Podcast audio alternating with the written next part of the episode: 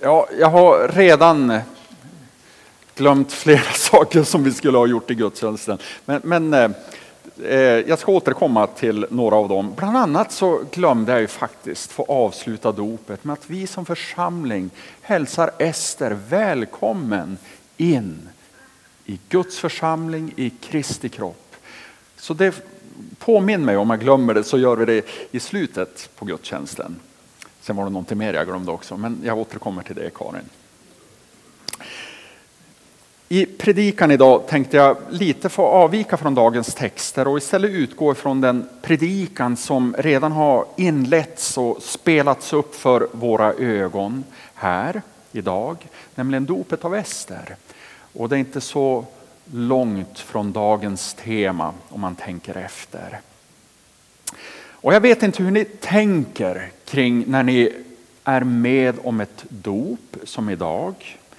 Men jag vill ta det här tillfället i akt att uppmärksamma er på och påminna om att när ni bevittnar ett dop som idag, då handlar det också om er. Det handlar inte bara om Ester, utan det handlar också om er. Ni som är döpta, ni är delar av den kropp i vilken Ester nu blivit inlemmad. Och därför handlar dopet idag också om er, det handlar om oss. Vi är inte längre de samma som innan Esters dop. Någonting nytt har inträffat som påverkar oss och våra liv. Men predikan här, eh, dopet är också en predikan om det får påminna oss om vad Gud har gjort för oss i våra dop, var och en av oss här. Och jag skulle vilja utgå från en enda mening i den text som Carolina läste upp, eh, som jag alltid läser vid dop av barn. Evangeliet om Jesus och barnen. Och där är det en mening. Eh, och den här texten den, den, den skulle man få predika över lite oftare men, men, det är egentligen bara under en treårsperiod, söndagen efter jul, andra årgången som den här texten är predikotext. Och meningen som jag vill utgå ifrån det är det Jesus säger, sannerligen, den som inte tar emot Guds rike som ett barn kommer aldrig dit in. Att ta emot innebär ju med självklarhet att man får någonting som man tar emot. En gåva, en present. Hur tar ett barn då emot en gåva? Ja, många är väl de fäder som blivit lite övertaggade när de har fått sin första son. De har köpt och slagit in en Märklinjärnväg eller en bilbana till sonens första julfirande. Och det kanske är en passande present till en pappa, men i ärlighetens namn inte till en bebis. Och det är klart att pappan kanske blir besviken när sonen är gladare över det glansiga paketsnöret och inslagningspappret än över själva presenten. Och jag är ganska säker på att det inte är detta som Jesus avser när han talar om att ta emot som ett barn. Men möjligtvis finns här ett tilltal till kristna idag att vi ofta lägger större vikt vid paketeringen än vid gåvan som Gud ger. Fundera gärna på det. Men att ta emot en gåva som ett barn. Jag kan också tänka på min systerson när han var cirka tre år gammal. Ett julfirande. Han sprudlade över av tacksamhet inför varje present han fick. Åh, tack! Precis vad jag önskade mig. Va, vad är det för något?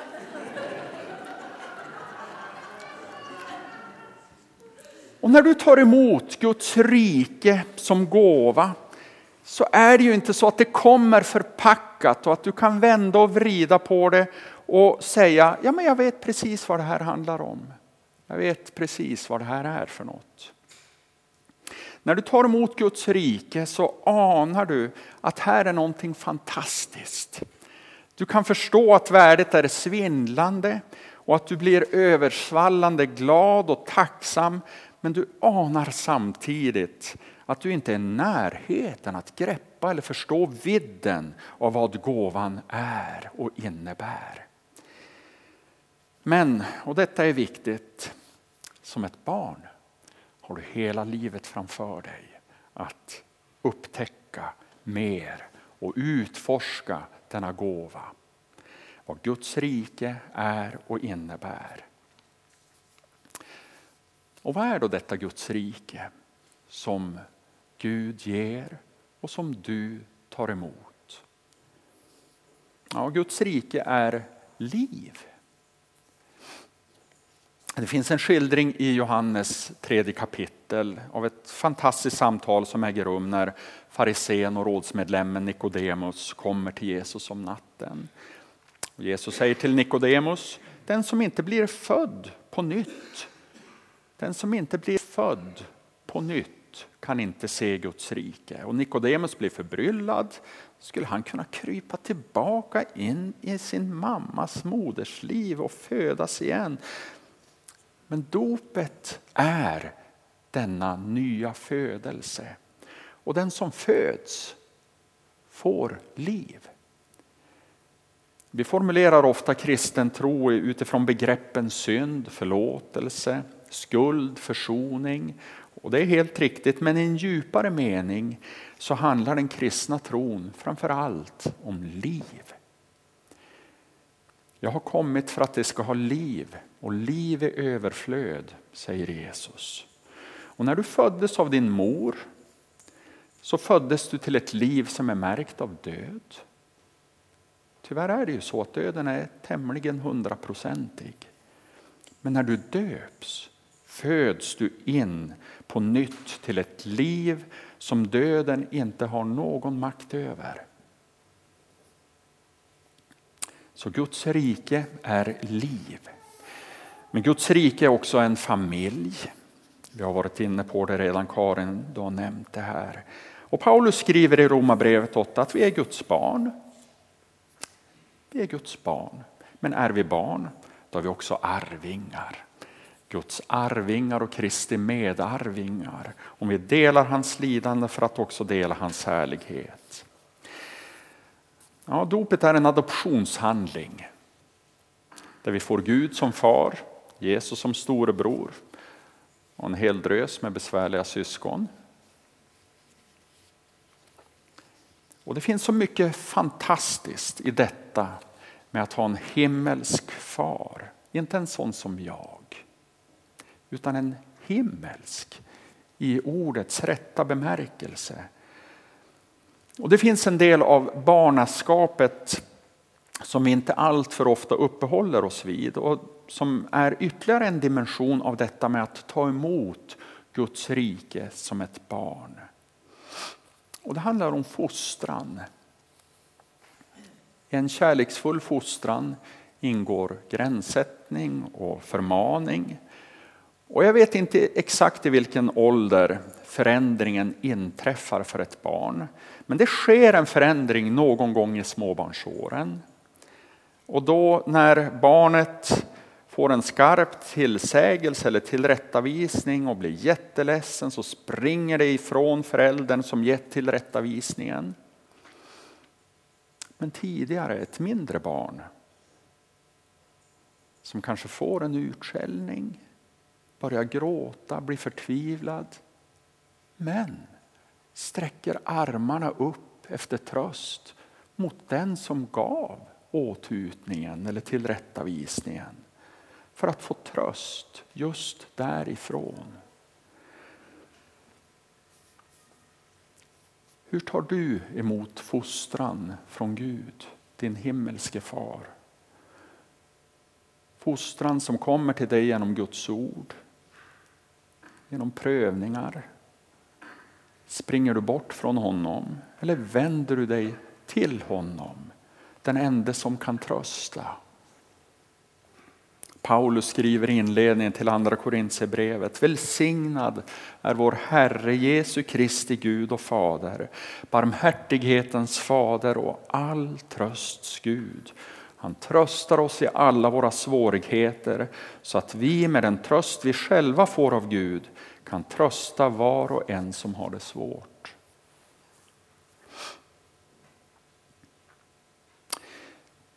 Men i Guds rike som du får som gåva och tar emot, där du får Gud som far, så finns också andra fäder och mödrar. Paulus skriver till församlingen i Korint, en församling som han grundade när han predikade evangeliet i staden och människor kom till tro på Jesus Kristus. Han skriver, det var jag som blev er far i Jesus Kristus.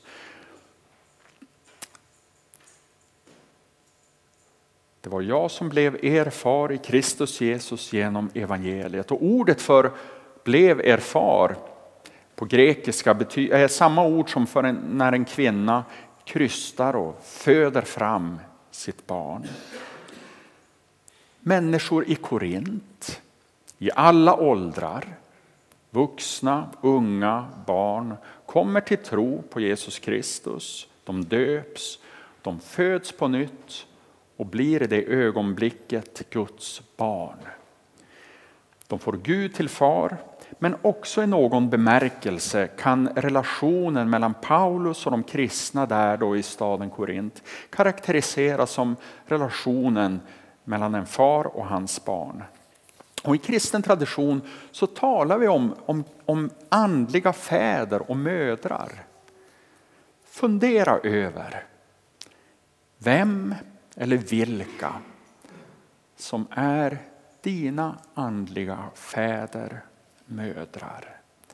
Vem eller vilka har varit avgörande i ditt liv för att du skulle finna en tro och bli en kristen? Berätta gärna för varandra vid kyrkkaffet idag. Och om du inte redan är det så kan det vara så att Gud kallar dig att bli en andlig far eller en mor för någon annan människa. Så Guds rike är liv, Guds rike är en familj. Guds rike är frihet. Jag sa tidigare att döden är hundraprocentig och enligt, död, enligt Bibeln är döden det yttersta tecknet på att hela skapelsen, hela mänskligheten är slavar under synden. Jag hänvisade då till Romarbrevet 8, läs gärna det kapitlet hemma. Och Paulus trummar gång på gång in att livet i Kristus innebär en frigörelse, en frihet från syndens och dödens lag. Den nya födelsen är en födelse in i frihet, från slaveri till frihet. I ett annat av sina brev skriver Paulus, förut när ni ännu inte kände Gud var ni slavar under gudar som i verkligheten inte är några gudar. Och Paulus beskriver den totala statusförändringen som sker. Och det räcker inte med att du går från slaveri till frihet och bara det i sig vore fantastiskt. Inte sant att du som slav, tänk dig att du som slav friges. Du kanske står på bar backe, ingen inkomst, inga pengar, inget hus, inget skyddsnät. Men bara detta att bli fri från slaveriet skulle vara fantastiskt i sig. Men det Gud gör men han ger dig Guds rikes frihet, det är långt mycket längre än det. Gud sänder sin sons ande in i ditt hjärta och den vänder sig mot Gud och ropar Abba, pappa, fader. Alltså skriver Paulus är du inte längre slav utan son. Du går direkt in som barn i Guds familj, in i Guds hushåll. Och det här tangerar en av de viktigaste aspekterna av detta med att ta emot Guds rike som ett barn. Ett barn som föds får livet som gåva och tar emot det. Men barnet kan inte peka på några som helst meriter för att ha fått födas. Tvärtom har det varit en börda för sin mor i månader och kommer inte att betala igen sig på många år än. Och ändå får barnet livet och tar emot det som en gåva, tar emot livet som en gåva, helt oförtjänt. Och få saker beskriver så precis vad nåden innebär. Frälsningen, segern över synd och död, det nya livet, det förtjänas av Jesus Kristus och av honom ensam. Det ges av honom och tas emot av oss. Inget mellanting, ingen avbetalningsplan, ingen förhandling. Gåvan ges av honom och tas emot av oss. Punkt. Detta är nåden.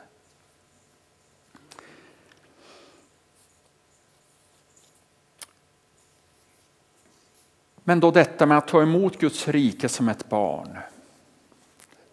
Det innebär att du föds till ett liv där också finns en växt. Trots mina 50 år är jag fortfarande mina föräldrars barn. Och Guds barn är du oavsett ålder. Men lika självklart som att en, ett, ett spädbarn med tiden behöver avvänjas och gå över till fast föda för att kunna mogna och växa behöver ett Guds barn detsamma. Både Paulus och Hebreerbrevets författare pekar på faran att kristna trots att åren går blir kvar på mjölkstadiet och inte går vidare med fast föda och därmed heller inte mognar och växer. Paulus bekymrar sig över att de han födde fram till ett nytt liv fortfarande är spädbarn i Kristus. Precis det uttrycket använder han i första Korintierbrevet 3. Och Hebreerbrevets författare beskriver hur de han skriver till återgått till att behöva mjölk istället för fast föda. Var finner du näring för ditt nya liv? Föda så att du mognar och växer. Ja, I den kristna traditionen pekar vi på några självklara ställen i gudstjänsten, i tillbedjan, i sakramenten, dopet, nattvarden snart här i gudstjänsten, i Guds ord. Det handlar om egen läsning av Bibeln men också studier tillsammans med syskon. Läsning av uppbygglig litteratur, själavård, bikt, bönen, tjänsten för syskon, stillhet, lyssnande inför Guds ansikte. Det finns många källor att ösa ur.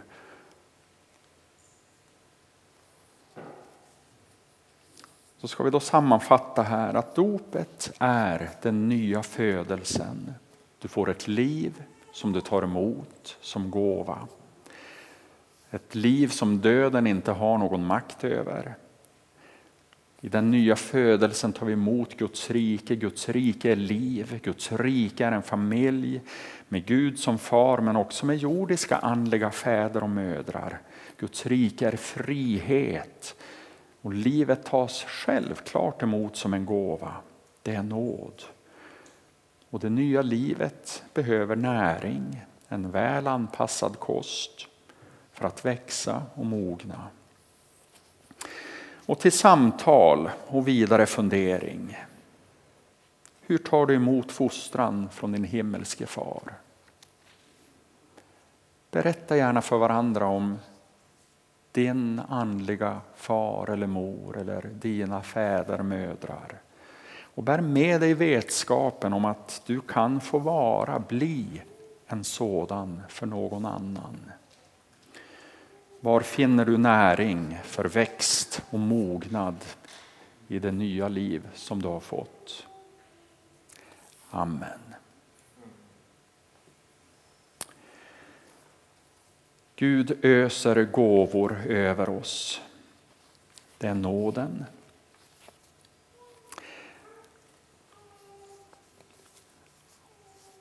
Och jag har redan sagt ingen förhandling, ingen avbetalningsplan, ingenting som vi kan ge för att få denna gåva. Det enda vi kan ge, säger Luther, det är vår synd och vår skuld. Det är det saliga bytet. Och nu ska vi praktisera detta saliga byte. Ta emot nåden, ta emot förlåtelsen men också som förberedelse för att ta emot honom själv i nattvarden så ger vi det enda vi har att ge i vår bön om förlåtelse.